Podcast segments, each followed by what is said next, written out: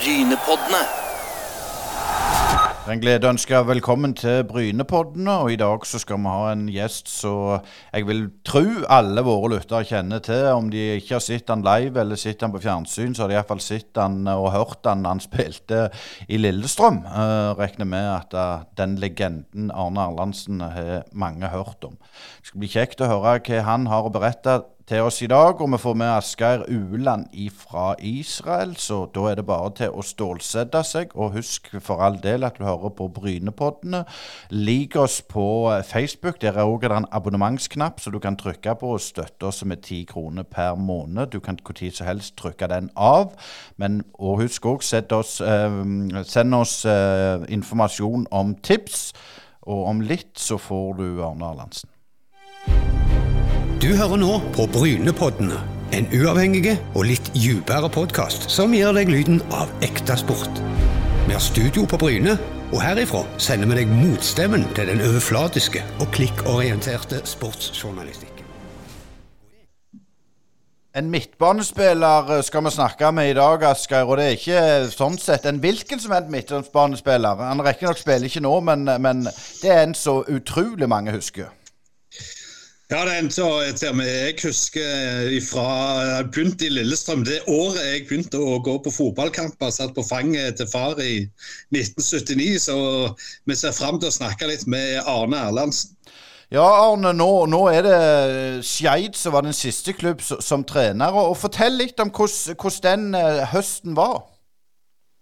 Nei, det, det, var jo en interessant eh, sesong i og for seg. Jeg starta jo i Kvikk Halden og hadde vel egentlig tenkt på at det skulle um, være ut sesongen der. Og, eh, men så kom Skeid på banen. De ønska at jeg skulle være med og prøve å bidra til at vi skulle ha en eh, De mente vel at de kanskje kunne ha en mulighet til å holde seg. Jeg hadde de elleve siste kampene, men eh, vi var ikke gode nok uh, i de elleve siste kampene heller. Så det er klart at uh, sånn sett så, så, lykkes man jo ikke bestandig. Og det gjorde vi i hvert fall ikke i Skeid. I de elleve kampene var jo bare én seier av de elleve. Så det, det, var sånn sett resultatmessig en, en ikke noe, noe, noe bra høstsesong.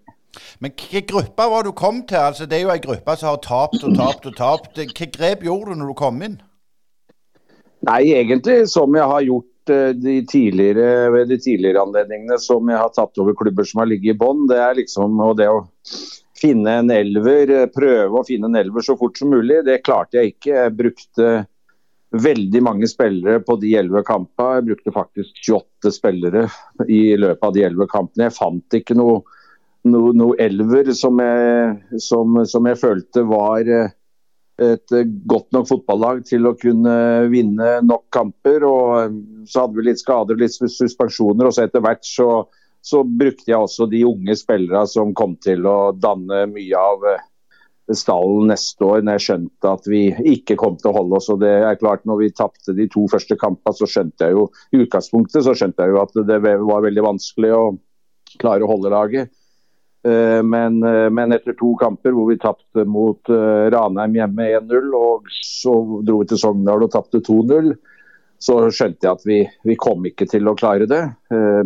Selv om vi i praksis, altså teorien kunne ha gjort det. Men det er klart når laget hadde vunnet to av de første 19 kampene, så, så er det jo ikke Du måtte vinne en fem-seks kamper i hvert fall av de siste elleve for å ha en sjanse til å holde seg. Så jeg skjønte fort at vi ikke gjorde det, og da brukte jeg de spillere jeg mente hadde et potensial, og, og spilte med de.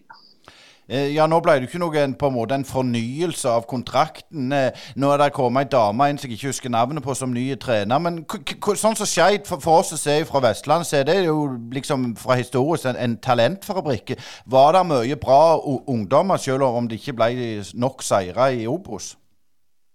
Ja, det er vel det er klart at de, de sleit jo også året før. De holdt seg i, gjennom det å vinne kvalik mot uh, Arendal. De hadde vel 28 poeng etter, um, etter sesongen og vant kvaliken mot Arendal. Og så kanskje man ble litt lurt av at man vant kvaliken og, mot Arendal relativt enkelt. Og så trodde at dette skulle gå seg sjøl, og så ble, ble jo han Romsås solgt til Tromsø. og Bergli, kapteinen, gikk jo til Sandefjord. og så Så av helt sikkert flere årsaker så, så klarte man i hvert fall ikke å tromme sammen en, en tropp og et lag som, som hadde noe sjanse til å holde seg, dessverre. Så selv om jeg føler at vi, vi blei bedre i løpet av de elleve kampene. Liksom vi blei mer stabile, vi holdt kampene bedre. Vi spilte mot Bryne, tapte 1-0 der på en, på en litt uheldig keeperinvolvering av en juniorkeeper som debuterte der. Selv om, selv om Bryne da også vant fortjent i den kampen. og jeg syns heller ikke at vi, vi fortjente å vinne den kampen mot Sandnes Ulf, som vi gjorde. Vant 3-0 og var, var, veldig bra i den kampen. De andre kampene, de andre ti som vi tapte, så, så syns jeg også at motstanderen var litt bedre. Ikke mye bedre, men nok til at de, hvis noen lag skulle vinne, fortjente å vinne kampen. Eh, du nevnte 22-sesongen her, som òg eh, var jo utfordrende for Skeid. Og, det ble ikke gjort for mange grep inn mot, mot eh, sesongen 23. Men som du sier, dere mister to eh, sentrale spillere, og da er det veldig sårbar. Men jeg har lyst til å snu litt på det. Du som trener, når du er nede i Halden der og får det tilbud fra Skeid. Altså, hvor mye vet du om Skeid på forhånd, utenom det, det, du husker fra gamle dager? Altså, hvor mye research gjør du før du takker ja til en sånn jobb? Nei, jeg, jeg, gjør jo en god del research. Altså, det er mye du kan gå inn og, og se nå på, på, på, på, eh, PC. og Det er masse programmer. Du har Wisecout, du har Transfermark, du har masse informasjon du finner på data. Og, så du er eh, liksom Jeg, jeg kunne, kunne, mye om Skeid før jeg sa ja, men dette skjedde jo veldig fort. Det skjedde jo fra den ene dagen til den andre. Vi hadde en kamp mot Junkeren med Kvikkhalden, og så hadde jeg et kort møte med Kvikkhalden etter kampen, hvor de sa at Skeid eh, ønska at jeg skulle komme til klubben. og Det var ikke noe problemstilling, egentlig. Det var ikke noe vanskelig for meg å si ja. Og, og Kvikkhalden lå godt plassert på tabellen. så hadde, hadde, vi, vinn, hadde vi, vært i toppen med Kvikk, eller om vi hadde ligget i bånn, så hadde jeg ikke sagt ja. Men det var liksom en mulighet. Uh, altså, det, det, var en fin anledning til å se hvor mye bedre jeg skulle klare å få seg. Det er jo på en måte Jeg uh, har jo en stolthet i det å se at et lag blir bedre med, med de virkemidlene som du, som du ønsker å, å, få fram i, i, i spillet. Og jeg mener jo at vi ble bedre, men uh, resultatmessig ikke. Jeg må komme litt inn på det. Hvilken trenertype? Er du liksom den the old schools og en sterk personlighet i gruppa, eller, eller, har du på en måte endra litt kurs gjennom mange år? Ja, altså Fotball utvikler seg hele tida, og det er klart at uh, vi, uh, vi uh, må jo holde tritt med utviklinga. Uh, altså Metodikken i forhold til trening er jo vesentlig endra i og med at tempoet er jo mye høyere nå enn det var for 20 år siden. Så at treningene blir jo lagt opp på en helt annen måte. Ehm, det er jo mye større tempo i treningene, som betyr at mengden går litt ned. Mens det er jo intensiteten skal jo være så høy som mulig. Og Det ønsker jeg å ha gjennom hele treningen, egentlig. Egentlig fra vi starter til vi slutter. Men, men, ehm, men ehm, treningstida er jo lavere i dag. Det er sjelden jeg har treninger på mer enn 1,20-1,25 i lengde, selv om vi har da activation i forkant av treningene. Så det er en helt annen hverdag for spillerne i dag enn det var for 20 år siden. Men, men, Går det først og fremst på at det er mer stopp-start, altså mer sprinta i løpet av en kamp, eller er det andre faktorer? Altså, du var jo flaska opp på disse norske langløpene om vinteren og seige kondisspillere. Altså, hva er det som skyldes at øktene har blitt kortere, vil du si? Det er jo fordi at tempoet er mye høyere, og når tempoet er mye høyere, så er du nødt for at øktene skal bli kortere hvis du skal fortsatt ha høy intensitet gjennom hele treningene, eller hele treninga. Og jeg ønsker å ha høy, høy intensitet gjennom hele treninga. Det, det, har jeg egentlig gjort med alle de lagene jeg har hatt, eh, med unntak av altså dette, Det skjedde jo en forandring når fasilitetene ble bedre. Altså jeg hadde jo Lillestrøm på slutten av 90-tallet. Da trente vi på isbane og, og, og salta vinterbaner. Og, eh, og, eh, så kom vi etter hvert opp på toppidrettssenteret og fikk låne kunstgressbanen der. At, men da var forholdene mye dårligere. Tempoet var lavere. for Når forholdene er dårligere, så blir tempoet lavere. og Da kan du trene mer. og Da vektla du andre ting i treninga. Ved at du var fysisk sterke, eh, komprimerte.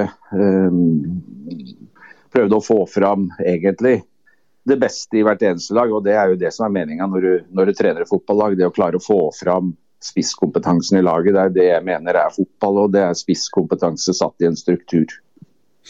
Eh, nå har du jo eh, vært eh, mest i karrieren altså øst for Romeriksporten, altså både som spiller og trener. Du fikk duppa tårna litt inn i Oslo-fotballen nå. Nå så vi jo to Oslo-lag, altså Vålerenga og delvis Stabæk, rykker ned. Skeid rykker ned.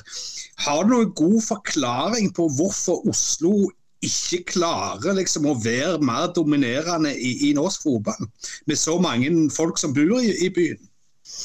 Nei, Det er jo det er klart at eh, Stabæk er jo et lag som har gått opp og ned, og har egentlig levd eh, veldig mye på, på spillersalg. Og har da klart å, å holde sånn noenlunde OK nivå eh, ved at eh, de har vært noen år i Eliteserien. De vant jo faktisk eh, på slutten av altså rundt 2008 eller noe, så vant de jo serien og var veldig gode. Men de brukte jo da penger som de ikke hadde, og fikk en backlash i etterkant av det.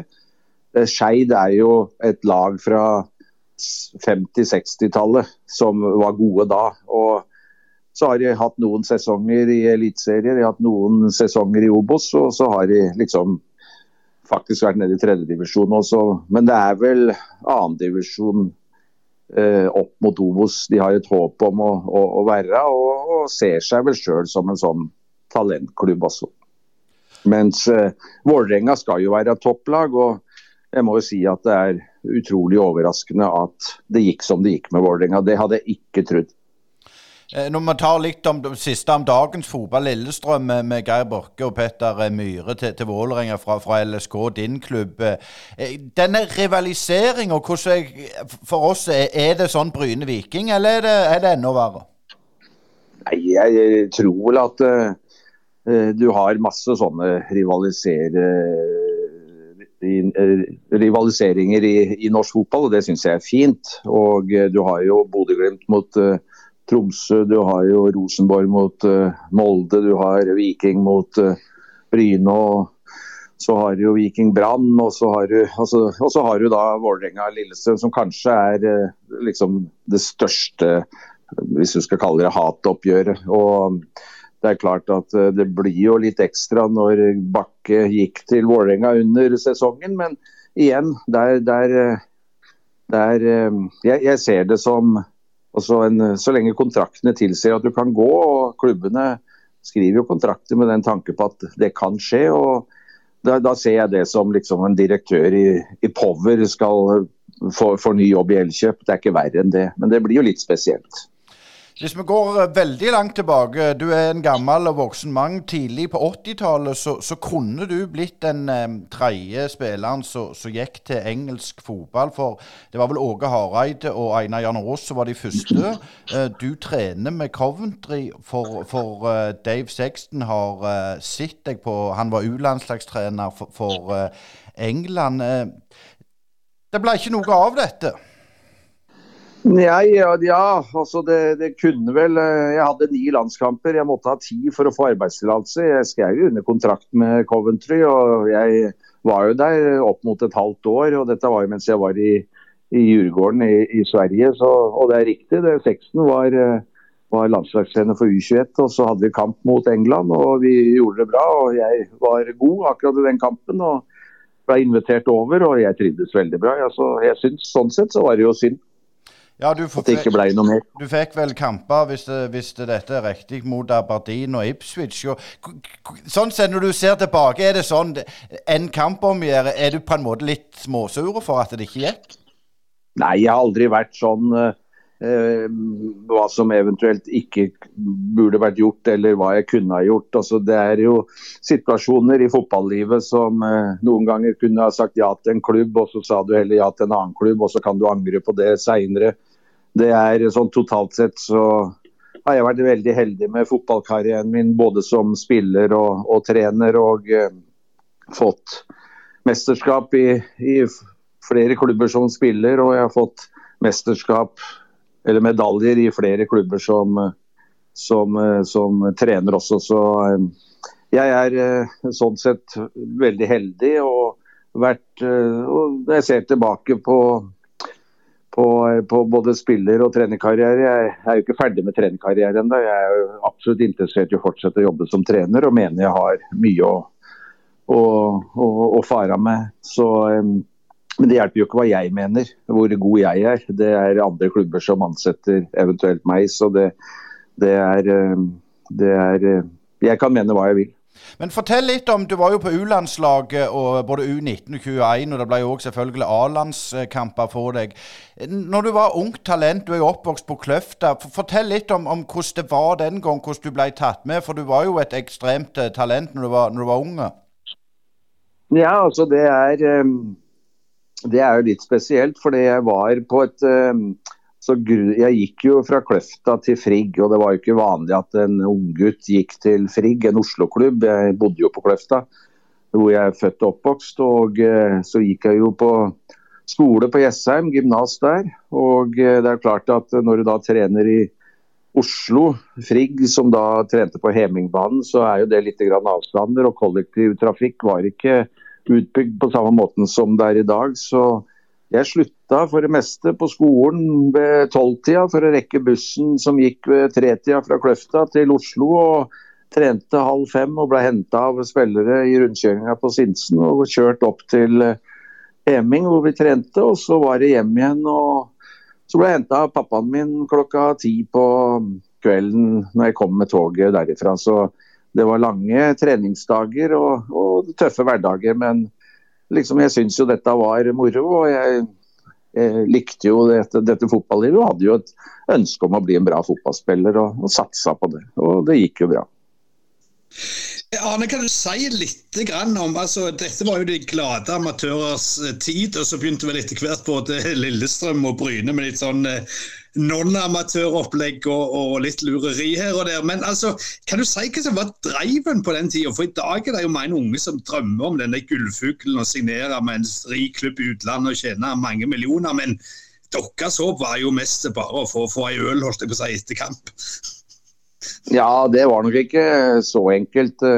Vi hadde nok uh, veldig ambisjoner. Jeg var jo heldig og kom til en klubb, uh, Frigg, uh, fra Kløfta, hvor det var mange unge som var ambisiøse. Det var flere eliteseriespillere som kom etter hvert fra Frigg, den, den, den, det laget som jeg var med på. Men jeg var den første som gikk fra Frigg. Men du hadde Vidar Davidsen, du hadde Morten Haugen, du hadde Johan Vetlesen, pappaen til Hugo Vetlesen, og du hadde um, flere, som Lasse Eriksen som også ble spiller i Vålerenga. Så vi var ambisiøse, laget var ambisiøst. Og vi hadde Per Pettersen og Drillo faktisk var jo trener der, så var ambisiøse trenere også. Så vi, det var ikke noe sånn Vi hadde et ønske om å bli et godt fotballag og gode fotballspillere. og Frigg var en veldig fin sånn plattform for meg å starte i. Så um, det var mye trening. Og, men vi gleda oss for hver treningsdag, og det var ikke noe vi, vi, si sånn, vi spilte ikke fotball for å ta en øl etter kampen. Det, det, var litt mer seriøst enn som så, ja, men det høres bra ut. Men, men dette, når var det, det dette det, det kom til, til, til, Lillestrøm? For det er jo det liksom alle husker, liksom. og hvordan var den videre prosessen? Det var jo ikke noe sånn scoutingprogram og holdt på å si YouTube da? Nei, det var jo Da gikk det jo på helt sikkert at eh, klubber reiste rundt og så spiller. Og jeg spilte jo da på både juniorlandslag og U-landslag. Og så var vel Lillestrøm og så. Og i og med at jeg da var fra Romerike, Kløfta, så, så eh, spurte de da om det var interessant for meg å gå til Lillestrøm. Og da var det jo sånne type det var ikke noe bossmanndom da, så da kunne faktisk klubber kreve penger uansett om kontrakta var ute eller om du hadde kontrakt eller ikke. Så, men jeg fikk tilbud fra både Vålerenga og Lillestrøm i, etter sesongen 78. Og så valgte jeg da Lillestrøm. og, og jeg angra jo ikke på det. Hadde Joe Hooley som trener der. og og fikk jo Skauen som trener året etterpå. Vært heldig og hatt mange dyktige trenere som helt sikkert også har danna grobunn for hvordan jeg har eh, eh, jobba med, med, med, med, spillere og lag eh, senere som trener sjøl. Ja, Du nevnte jo du hadde Drillo i Frigg allerede i, i, på slutten av 70-tallet. Eh, og, og, du nevnte Huli og, og, og, Skauen, som selvfølgelig er velkjent både på Bryne og i Stavanger. Kan du si litt, altså, hvordan var Drillo på den tida kontra Skauen, som den gang var vel en av de fremste trenerne i landet, iallfall over det som Eggen har sagt eh, seinere? Ja, Drillo ble jo nesten altså Drillo på en måte ble jo ikke eh, akseptert nesten han før han ble, ta, før han ble trener på A-landslaget. Altså, han hadde sine ideer, og det viser seg jo at de ideene han hadde, det viste seg jo å stemme. Men, eh, men ikke sant, med mye tallmateriale, datamateriale hadde, Han hadde jo eh, bakgrunn fra idrettshøyskolen, eh, var jo pedagogisk veldig bra. Stor eh, teoretisk, faglig bra bakgrunn. Um, og, og, på en måte uh, fikk vel ikke ordentlig aksept. Uh, så jeg hadde jo både U-landslag og, og OL-landslag også med, med mm, OK suksess, men fikk ikke den aksepten før han egentlig ble uh, A-landslagstrener, etter at han tok over for Stadheim, var det vel, tenker jeg. Og, som da tok over for Tor Grip. Så um, men Drillo var flink og, og eh, fikk eh, da vist vis det gjennom A-landslaget først og fremst. Eh, vi, nevner dette med, med merittene dine som spiller, men du, du, går jo til Lillestrøm, og, og, og der blir det jo en, en, en bauta. Og Disse lederegenskapene lærte du på en måte deg i, i, i Frigg med den gjengen du sa? For det var jo ledertyper som ble gode fotballspillere, flere av dem? Ja, det var jo også Vi hadde jo eldre spillere som hadde vært landslagsspillere. Per Pettersen hadde jo masse landskamper. Så hadde du jo eh, Du hadde jo faktisk en fra Stavanger-området der òg, som jeg spilte sammen med. Henning, Henning Aamodt, som døde veldig tidlig i, i mm. Han kom jo fra Viking. Um, så, eh, så, det var eh, en blanding av rutinerte spillere som hadde vært bra. Altså Frigg var jo et, et bra lag på slutten av 60-tallet, det og var jo med i Eliteserien. Men, eh, men så var det da unggutter som kom spesielt da fra Bærum, og så kom jeg da fra Kløfta. Og vi ble jo på en måte hentet Jeg hadde vært på, på, på språkkurs i England. Det var jo jeg, der jeg ble kjent med Per Pettersen, for han var en av lærerne på det språkkurset som da var med, med fotball. Det var der i to år, altså to sommerferier, og etter det så, så fikk jeg tilbud fra Frigg. Så, så Frigg var Det var Det blei det var en fin utviklingsarena og det var en fin gjeng. Og jeg trivdes veldig godt. Eh, det Lillestrøm du kommer til, hvordan var det? For da det som sier, da begynte det jo litt sånn non-amatørklubber å, å, vokse fram. Og da ble da, da du den, den, Du gikk vel for, for var det 70 000 den gang, så var, var en overgangsrekord. Og regner med, så jeg sa litt på Brynen når vi pratet, at det var vel det litt penger under bordet. Det skal du slippe å svare på. Men, men hva var det som ble profesjonalisert når, når du kom der? Altså, Lillestrøm var jo på en måte Eh, litt sånn halvproffer eh, allerede da, eller non-amatør. Det betyr at eh, de, de jobba halv tid, og så spilte de fotball halv tid. Og jeg kom jo da inn i et lag som var, som var da ledende i Norge. Altså Lillestrøm vant jo serien i 76 og 77, vant cupen i 77 og 78. Jeg kom jo dit i 79, så det, det var jo et veldig etablert lag. Så på en måte jeg ble jo henta for egentlig å erstatte Tomteberget, som gikk til Kongsvinger, gikk tilbake til Kongsvinger. og Toro hadde jo vært der, Tor Egil Johansen, som da også kom fra, fra Skeid for øvrig. Så, men det var et veldig rutinert lag med Per Berg og det var Jan Birkelund og det var eh, Tom Lund selvsagt og Tore Kordal. Mange landslagsspillere, så jeg kom jo inn i et veldig rutinert lag. Og det var en veldig fin uh, arena for meg å komme inn i. men da, da liksom måtte du jo du måtte jo tråkke til. Du kunne ikke være beskjeden og liksom ikke vise deg fram. For da, da blei blei du bare skyfla unna. Så jeg ville jo bli bra, og på en måte uh, gjorde det som skulle til for å bli bra. Men fikk du den respekten ganske tidlig? Respekt får du gjennom det å prestere og liksom selvtillit er jo noe du får gjennom å prestere bra i trening dag etter dag etter dag. Det å lykke, få, ha gode opplevelser ved hver eneste trening. Og jeg sto på på treninga og gjorde, gjorde, det som måtte til for å, være, for å bli en god spiller. og var jo sånn, sånn sett veldig ambisiøs. Og, og, og, jeg tror jo også at det, det, er viktig at du har gode treninger, og det lærte jeg allerede da. At det var, det var viktig å ha gode treninger. Og Huli var jo en sånn type trener som, som da likte sånne type spillere som jeg sjøl var da. Eh, litt tilbake til, til, denne trenerkarrieren din. altså Du eh, trør jo inn i arenaen i, med Bærum i 94, så går du til Lillestrøm. og Det er jo norsk eh, klubbfotballs gullalder på, på 1990-tallet. altså hvordan var det der å, å, komme inn i den perioden som trener når du har vært spiller? Altså, føler du at forventningene blir bedre, større, eller, eller, eller var det bare sånn naturlig valg for deg å gå fra, fra bane til, til trenergjerningen? Nei, altså jeg, var, jeg, kom jo tilbake etter å ha vært i Strømsgodset. Vi vant jo cupfinalen med Strømsgodset i 91. Så spilte jeg i Lillestrøm i 92. Jeg gikk jo tilbake til Lillestrøm da. Jeg gikk jo eh, Og vi fikk jo da cupfinale igjen i 92, som vi tapte mot Rosenborg. Og så 93 hadde jeg jo også kontrakt, og da ble jeg Da hadde vi Ivar Hoff som trener. Han vurderte ikke meg god nok til å starte første seriekamp. Jeg tror faktisk det var mot Viking. Eh, det gikk OK liksom, i forhold til hvordan jeg følte det. Men jeg var heller ikke god nok i andre seriekamp mot eh, Det husker jeg ikke, men det var i hvert fall hjemme på Åråsen. Og den følelsen jeg hadde da når jeg gikk ut på banen og ikke skulle starte kampen for, Jeg syns det var en helt forferdelig følelse.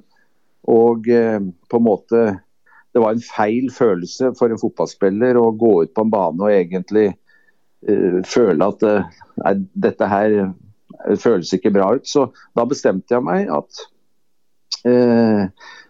det vil jeg ikke mer. Så eh, ja, det er klart, gjennom et langt fotballiv så får du noen skavanker. Jeg hadde et kne som ikke var så bra heller, så jeg da bestemte meg for å ta trenerutdannelse, operere så jeg får et best mulig kne. Og eh, jeg ville ikke ha den vonde følelsen. Jeg gikk over banen og var på benken.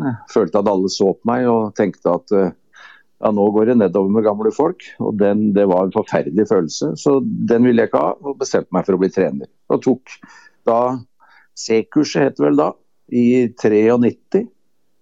Og, ehm, og opererte kne og ble, fikk det så bra som mulig. Og bestemte meg da, når jeg gikk over banen, at jeg skal bli fotballtrener. Bare si det. Du, du, vinner jo eh, serien i 86 med Lillestrøm og 89 og, og NM-gull i eh, 85. Så, eh, og som du sier, med Strømsgodset så vant du NM-gull i 91. Som spiller så skal vi ta trener... Eh, Eh, litt seinere. Men det du sier der, når du går over gresset der og på en måte kjenner at nå, nå det, det, var tunge tider, for å si det sånn. Tilbake til dagens ungdom, når, når, de legger opp og du ser hvor mye de sliter med, med både gambling og alkohol og rus og ene med det andre. For, klarer du på en måte å sette deg inn i deres tankesett? Nei, det gjør jeg vel i og for seg ikke. Um jeg tror du har et eget ansvar i å sørge for at man eh, Jeg har jo alltid oppfordra våre spillere, eller mine spillere, hvis jeg kan kalle det på den måten, når jeg har vært trener, å sørge for å ta seg en utdannelse. Det er mye du kan gjøre på nettet, og du har god tid. Eh, det er jo klart at alle blir ikke eh, godt betalte spillere i utlandet. De, de fleste har en OK karriere. Mange blir heller ikke eliteseriespillere. Det er vanskelig å nå opp, så det er klart at det er kjempeviktig å, å ha, ha, en god utdannelse å falle tilbake på. Sånn videre på når, når du eh, begynner trenerstien der. Hvor, hvor, du, du, stiger jo ganske kjapt og kommer tilbake til Lillestrøm igjen. Hva, jeg holdt på å si, hva tenkte du når du gikk inn porten igjen da? Nei, Teite Tordarsson var jo trener i Lillestrøm i 95. De siste fem-seks kampene fikk jeg da mulighet til å ta over A-laget. Det er klart at uh, det har jo noe med at det var jo kjent i Lillestrøm-området. Og de visste jo at um, jeg jobba som trener og var interessert i å fortsette å jobbe som trener. Og uh, så fikk vi Jeg jobba da sammen med Kjetil Osvold og hadde fem-seks kamper. Én i Europa og, og fem seriekamper, tror jeg. Og eh, jeg trivdes jo med det, selvsagt. Det er klart at det å jobbe med gode spillere, det, det gir jo mersmak, det. Og så ble jeg jo da ansatt som assistenttrener i 96 og 97. Uh, I 96 sammen med Per Brogland, og så i 97 sammen med Even Pellerud. Og så ble jeg da hovedtrener fra 98. Eh, men Arne, kan du si litt, altså, for dette er jo året og den der totale Rosenborg-dominansen i, i, i, klubbfotballen. altså hvordan var sesonginngangen når du var trener der, når du så det der gapet opp til disse trønderne hele veien? altså? Jeg syns jo det var eh, altså Det Rosenborg gjorde da, og det landslaget gjorde da, for dette her var jo eh, altså klubb og landslag som dro norsk klubbfotball videre opp. Eh, Molde var jo også gode på den tida. Eh, og vi, vi, vi, var gode, vi i Lillestrøm òg. Vi, vi ble nummer to i 2001 og var veldig nærme Rosenborg. Vi, ikke, vi var vel bare et poeng bak.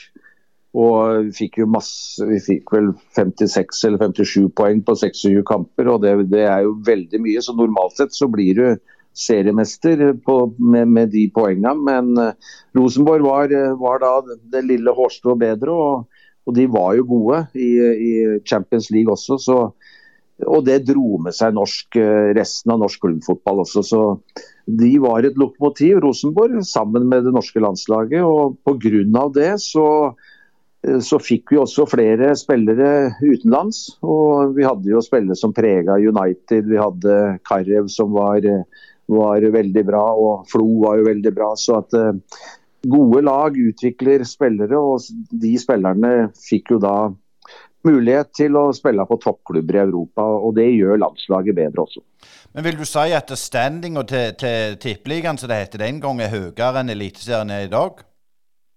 Nei, altså, ja, altså Internasjonalt så presterte jo både Rosenborg og, og Molde, eh, Rosenborg spesielt, veldig bra. og det, Men det er klart at det Bodø-Glimt og Molde gjør i dag, er jo også veldig bra. Så, eh, så standinga internasjonalt altså Det er jo spillere som går fra Norge nå for, for flertalls millioner kroner. og vi har klubber som, som, som gjør det bra i, i Europacup. Og det er det som egentlig er det målbare.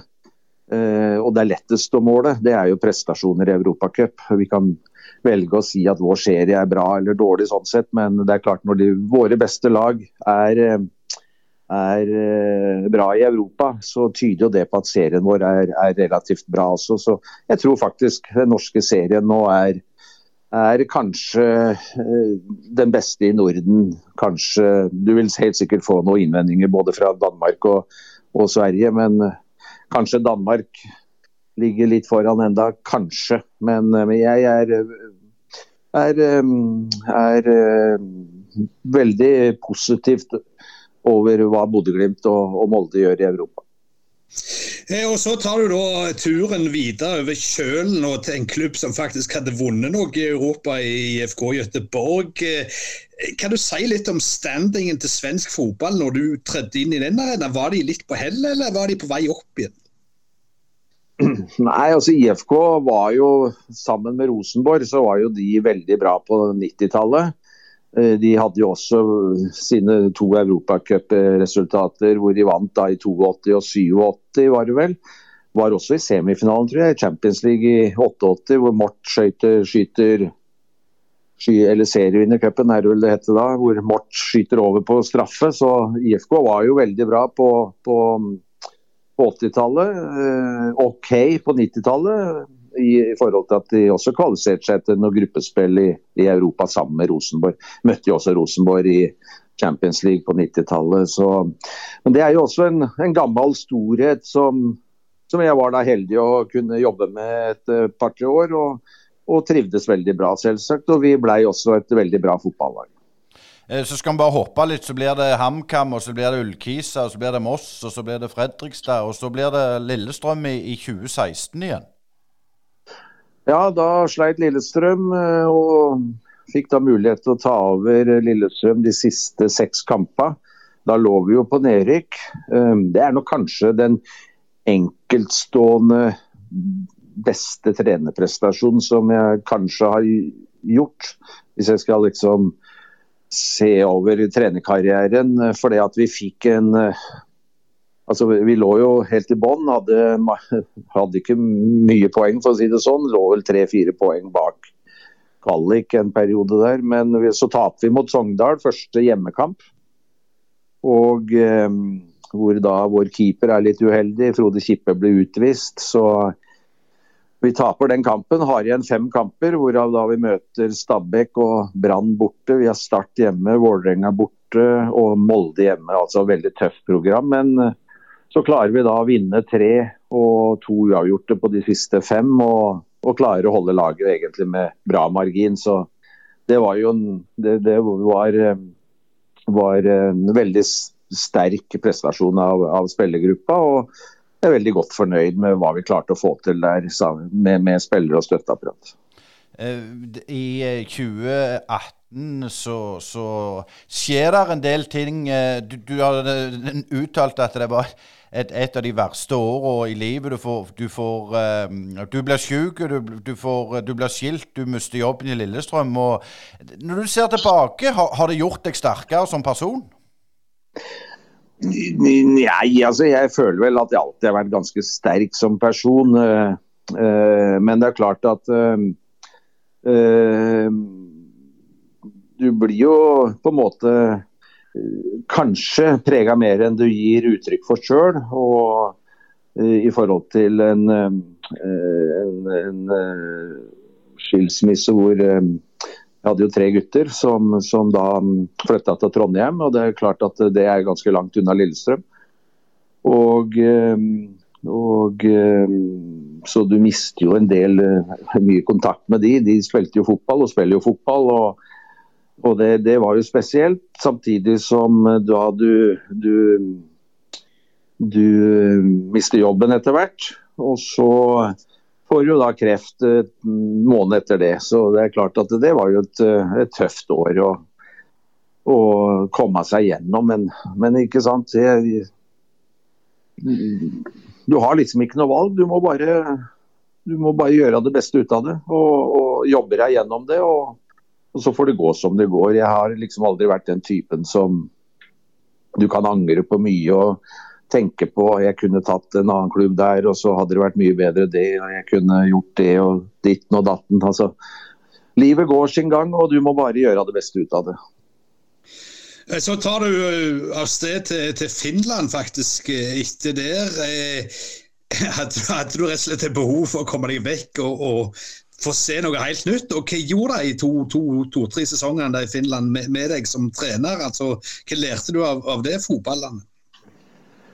Nei, det var jo Igjen så, så fikk jeg jo tilbud fra Kops, som var seriemestere i, i Finland i 2019.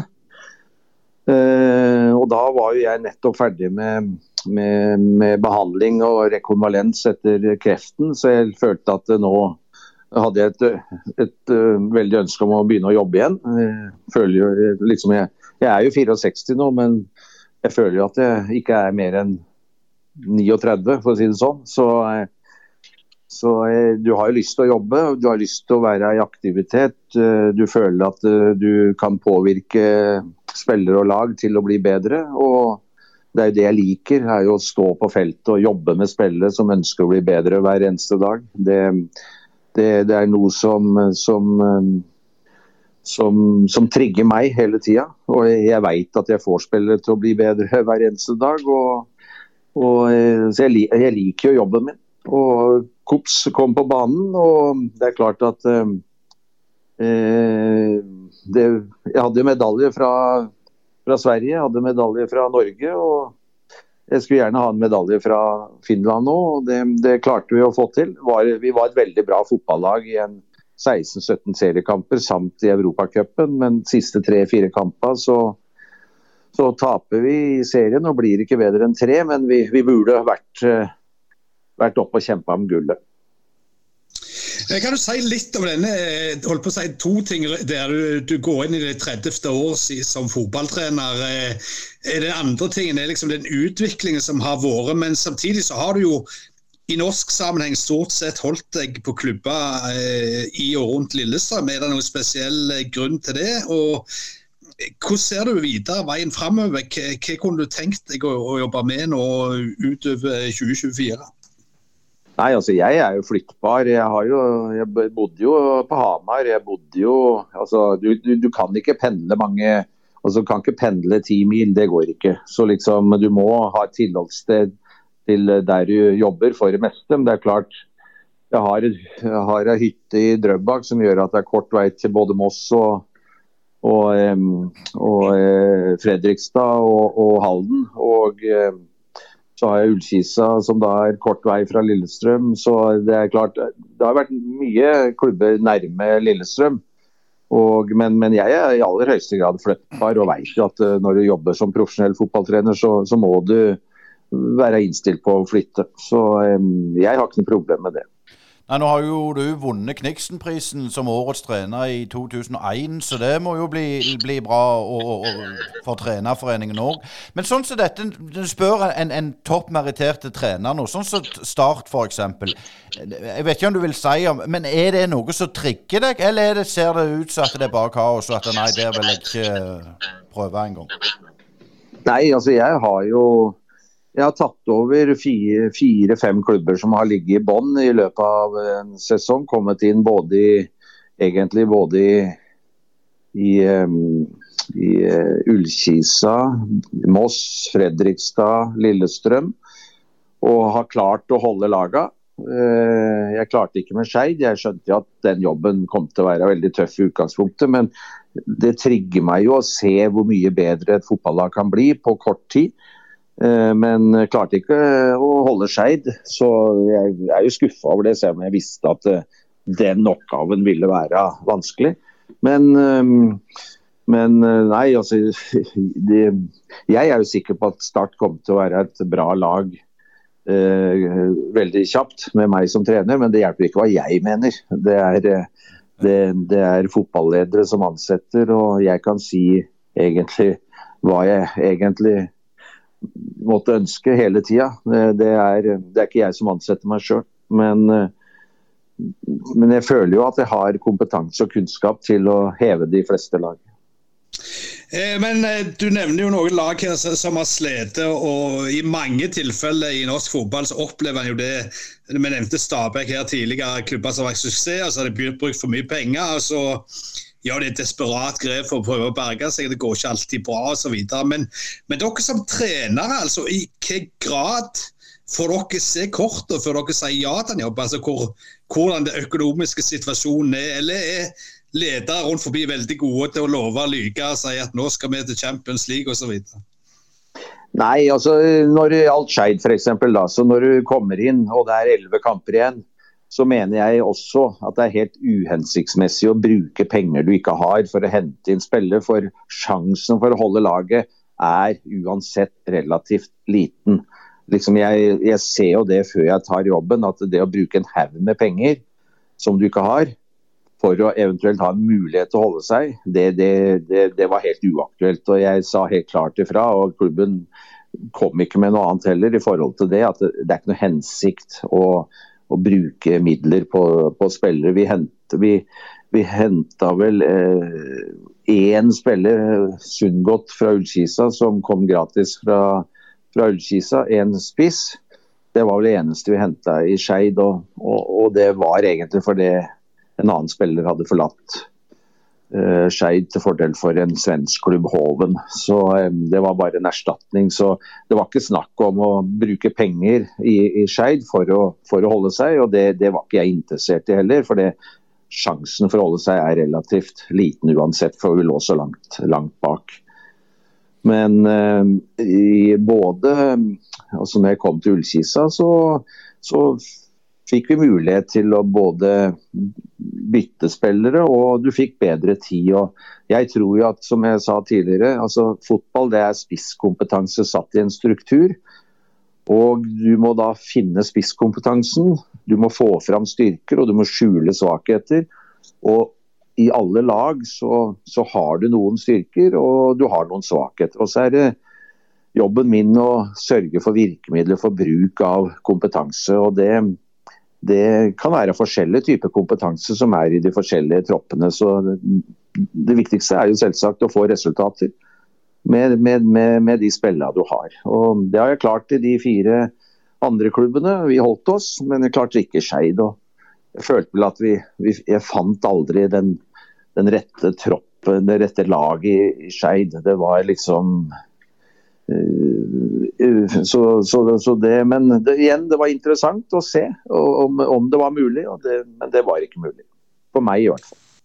Men, men, når du snakker med, med, så lang erfaring som du har, Arne, altså, eh, hvor lang tid bruker du på en måte til å se at her er det et Arne Erlandsen-lag? Altså, henger det veldig mye på troppen i utgangspunktet, eller, eller må du fintune ganske mye noen plasser? Nei, jeg mener at en trener i løpet av én uke skal klare å påvirke spillere og lag til å kunne bli bedre strukturert, spesielt defensivt. for det, det, er lettere, det er mye lettere å være destruktiv enn å være kreativ.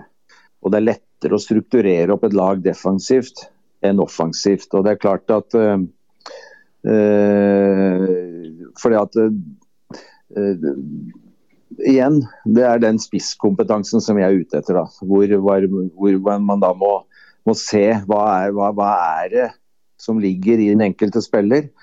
Og så er det da bruk av virkemidler for å få fram den spisskompetansen. Og Når spillere får lov til å gjøre det de er bra på, så får de selvtillit. Og, og så er det jo viktig da med god struktur i laget, defensivt spesielt. da, som, for, å, for, å, holde, for å holde min, minst mulig mål bakover.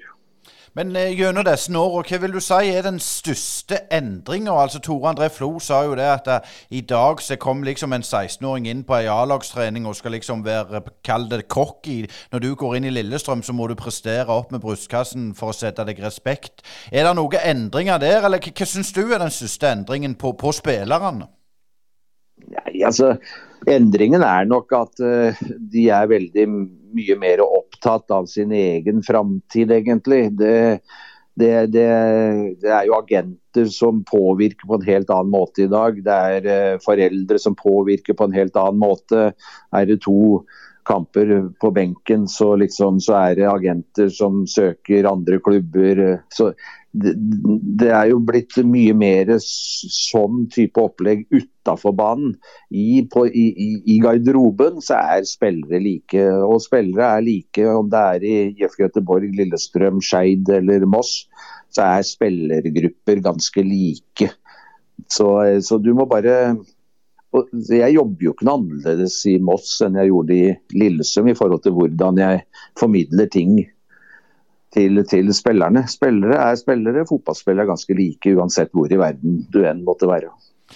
Eh, helt til slutt, Arne. Nå, nå, eh, har du lyst til å trene lag. Vi sier Start. Eh, er det noen lag i Norge og Europa som du liksom har lyst til å har, har, du pekt deg ut, eller er det Norge? Eller har du lyst til å f.eks. reise til, til, Danmark eller Skandinavia eller Europa? Nei, jeg har ikke noe Nå har jeg medaljer fra tre forskjellige land, Norge, Sverige og, og, og, Finland. Jeg har ikke noe problem med å reise til andre land heller. Liksom Nå begynner unga å bli store. Jeg har ikke noe behov for å for å, for å være på én plass hele tida. Liksom, og jeg har egentlig heller aldri hatt det. Skal du jobbe som profesjonell trener, så må du ha en må du, må du ha den evnen til å kunne flytte fra sted til sted og, og, og jobbe med nye kulturer.